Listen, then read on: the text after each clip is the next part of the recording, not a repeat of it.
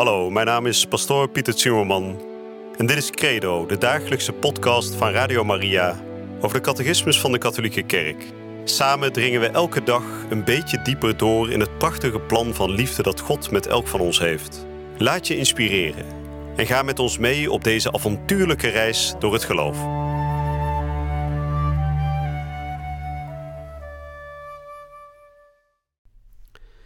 Vrienden, van harte welkom terug bij Credo, de podcast, de dagelijkse podcast hier bij Radio Maria.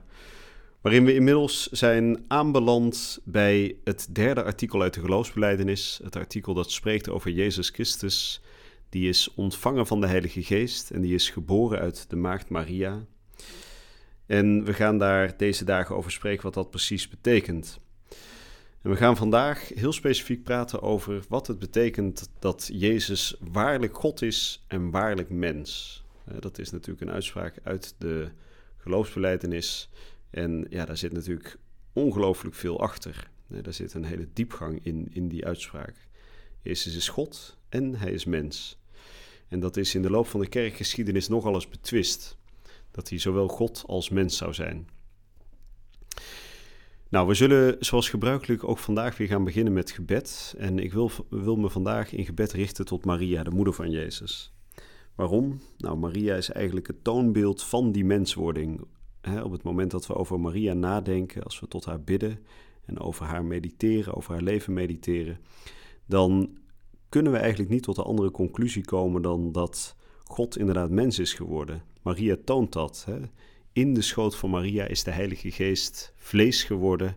En Maria laat ook zien dat Jezus niet een soort gedachtegoed is of een, bepaald, een bepaalde overtuiging, maar echt een mens van vlees en bloed. En tegelijkertijd dus ook God. Nou, we zullen het voor dat gebed eerst even stilmaken van binnen. In de naam van de Vader en de Zoon en de Heilige Geest. Amen. Heilige Moeder Maria, als wij ons tot U richten, dan richten wij ons tot de Moeder van het leven u bent de enige die in de geschiedenis van de gehele mensheid zwanger werd niet van een man, maar van God zelf. Eindeloos groot mysterie, mysterie van onze verlossing. God, het Woord, wordt mens in uw schoot. Heilige Moeder Maria, bij deze menswording kwam er een enorme vreugde in uw hart.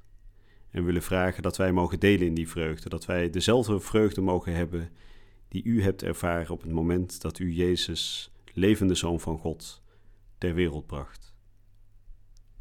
Amen. Ik lees voor de nummers 462 tot met 466. De brief aan de Hebreeën spreekt over hetzelfde mysterie. Daarom zegt hij dan ook, als hij in de wereld komt: Slachtoffers en gaven hebt gij niet gewild, maar gij hebt voor mij een lichaam bereid. Brandoffers en zoenoffers konden u niet behagen. Toen zei ik: Hier ben ik. Ik ben gekomen, o God, om uw wil te doen. Het geloof in de werkelijke menswording van de Zoon van God is het kenmerk van het christelijk geloof. Hieraan onderkent gij de geest van God Iedere geest die beleidt dat Jezus Christus werkelijk mens is geworden, is van God. Dat is de vreugdevolle overtuiging van de kerk vanaf haar begin, wanneer zij het grote mysterie van de vroomheid bezingt. Hij is geopenbaard in het vlees. Waarlijk God en waarlijk mens. Het unieke en geheel eenmalige gebeuren van de menswording van de Zoon van God betekent niet dat Jezus gedeeltelijk God en gedeeltelijk mens is. Noch dat hij het resultaat is van een vage vermenging van het goddelijke en het menselijke. Hij is waarlijk mens geworden, terwijl hij waarlijk God bleef. Jezus Christus is ware God en ware mens. Deze geloofswaarheid heeft de kerk in de loop van de eerste eeuwen moeten verdedigen en verklaren tegenover ketterijen die haar verdraaiden. De eerste ketterijen hebben niet zozeer de godheid van Christus ontkend, als wel zijn ware mensheid. En dat wordt genoemd het gnostisch docetisme.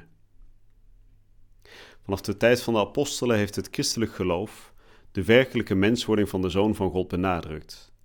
In het vlees gekomen. Maar vanaf de derde eeuw heeft de kerk tegen Paulus van Samosata op een concilie bijeen in Antiochië duidelijk moeten bevestigen dat Jezus Christus van nature en niet door aanneming zoon van God is. Het eerste ecumenische concilie van Nicea van 325 beleed in zijn credo dat de zoon van God geboren is en niet geschapen, één in wezen, dat heet dan in het Grieks homoousios, met de Vader, en veroordeelde Arius, die beweerde dat de Zoon van God uit het niet is voortgekomen en van een andere wezenheid is dan de Vader. De Nestoriaanse ketterij zag in Christus een menselijke persoon, verbonden met de goddelijke persoon van de Zoon van God. Hiertegen hebben de heilige Cyrillus van Alexandrië en het derde ecumenische concilie bijeen in Efeze in 431 beleden dat het woord, met hoofdletter W, door zich in zijn persoon met een lichaam, bezield met een verstandelijke ziel te verenigen, overeenkomstig zijn hypostase mens is geworden. De menselijke natuur van Christus heeft geen andere persoonlijkheid dan de goddelijke persoon van de Zoon van God, die haar heeft aangenomen en tot de zijne heeft gemaakt vanaf zijn ontvangenis.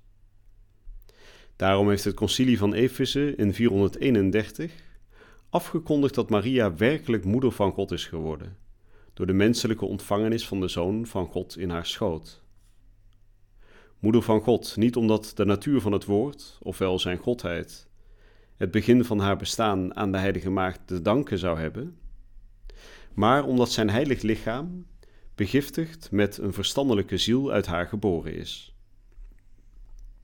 Op grond hiervan zegt men nu dat het woord door zich in zijn persoon met een lichaam bezield met een verstandelijke ziel te verenigen, mens is geworden.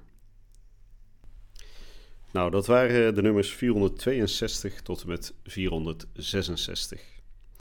En ja, een vrij ingewikkelde tekst geloof ik, als je het zo allemaal uh, voorbij hoort komen. Gnostisch docetisme, verschillende concilies die worden genoemd. En dan wordt er gesproken over de Nestoriaanse ketterij, homoousios, allemaal moeilijke woorden. Maar wat wil de catechismus vandaag zeggen? Nou, eenvoudig samengevat dat het feit dat Jezus zowel God als mens is, vooral in de begintijd van de kerk nogal werd bestreden. Er wordt gesproken over dat het niet een soort bij elkaar voegen is van twee naturen, hè, die je bij elkaar optelt, een beetje God en een beetje mens, en dan komen we bij Jezus uit. Nee, hij is volledig God en volledig mens. En de eerste ketterij die dat heeft bestreden is dus het gnostisch docetisme. Nou, docetisme, dat komt van het Griekse woord dokein. En dokein, dat betekent lijken. En waarom wordt dat woord voor die ketterij gebruikt? Nou, daar werd mee aangegeven dat deze mensen geloofden, deze groep, dat Jezus wel mens leek te zijn. Hè? Hij leek op een mens, maar hij was het eigenlijk niet. En in het verlengde daarvan werd er dus ook door die docetisten beweerd dat Jezus ook niet daadwerkelijk aan het kruis had geleden. Hè? Want hij was volledig God, maar zijn menselijkheid was dus een soort schijnmenselijkheid. En dus ook was zijn lijden niet echt. Nou, dit is dus als ketterij verworpen, hè, het docetisme, want hij is wel degelijk echt mens geweest. Nou, later kwam daar een ketterij bij. Hè, dus dit werd, uh, deze, die eerste ketterij die betwiste vooral de menselijkheid van Jezus. En de ketterijen die daarop volgden, die betwisten dus vooral zijn goddelijkheid. En dan met, met name Arius, die springt er dan uit die heeft het erover dat de Zoon van God uit het niet is voortgekomen. Nou, dat is niet wat we geloven. We geloven dat de Zoon van God in alle eeuwigheid al bij de Vader was. Hè? Dus dat hij niet als een soort schepsel ineens in de tijd is ontstaan. Hè? Daar hebben we het al uitgebreid over gehad. En wat Arius ook beweerde was dat de Zoon, Jezus Christus, van een andere wezenheid is dan de Vader. Hè? Dus ze hebben niet hetzelfde wezen. Nou, ook dat is dus als ketterij uh, verworpen want uh, ze hebben wel degelijk hetzelfde wezen. Nou, dan wordt er nog gesproken over het concilie van Efeze, waarin dus wordt bevestigd dat Maria de moeder is van God. En waarom is dat zo'n belangrijke bevestiging? Daar wordt niet alleen iets over Maria gezegd, maar daar wordt vooral ook iets gezegd over de ware goddelijkheid en de ware menselijkheid van Jezus. Want als je zegt dat Maria de moeder is van God, dan zeg je tegelijkertijd dat Jezus dus God is. En je zegt dat Jezus mens is. Want als hij geen mens zou zijn, zou hij ook geen moeder kunnen hebben natuurlijk. je zou kunnen zeggen dat Jezus in die zin zijn hele biologische wezen heeft gekregen van Maria. Als u begrijpt wat ik bedoel. De Heilige Geest heeft Maria overschaduwd. De Heilige Geest is uh, vlees geworden in de schoot van Maria. Dus Jezus ontleed zijn hele biologie als het ware aan Maria. Je zou kunnen zeggen dat, dat zijn hele DNA mariaal is. En dit geeft ook aan de echtheid van zijn mens zijn, maar ook de echtheid van zijn God zijn. Nou, deze cursus is er niet op gericht om nou alles tot in de kleinste details te onthouden. En u hoeft ook echt zeker niet alle jaartallen van alle concilies te onthouden. Maar wel in grote lijnen is het goed om te weten ja, hoe die, uh, die, die waarheden van onze kerk, hoe die in de loop van de kerk of in de loop van de geschiedenis zijn bestreden, zijn betwist. Hè? Om zo ook te ontdekken waarom wij datgene wat we nu over Jezus Christus beweren, waarom we dat op die manier formuleren. Nou, we zullen daar um, in de volgende uitzending over doorgaan. Dan gaan we spreken over de ketterij van de monofysieten. Nou, ik zal u niet voor vandaag overvoeren. Weer een moeilijk woord namelijk. We zullen daar uh, bij de volgende uitzending over doorspreken. En als we het even ja, rustig bekijken, blijkt het ook weer niet zo ingewikkeld te zijn als het in eerste instantie lijkt. Dus niet schrikken. Bij de volgende uitzending gewoon weer uh, inschakelen. En uh, nou, we komen er samen zeker doorheen. Ik wens u een hele goede en gezegende dag toe. Je luisterde naar Credo, de dagelijkse podcast van Radio Maria over de catechismus van de Katholieke Kerk. Credo is iedere werkdag te beluisteren op Radio Maria. Maar je kunt de afleveringen ook in je eigen tempo terugluisteren op onze website, in de app of op Spotify en de andere platforms. Via de website radiomaria.nl vind je dagelijks de link om de bijbehorende teksten uit de catechismus mee of terug te lezen. We zijn erg dankbaar voor alle giften die wij mogen ontvangen. Daardoor kunnen we ons goede werk blijven doen. Draag je ook bij aan deze missie?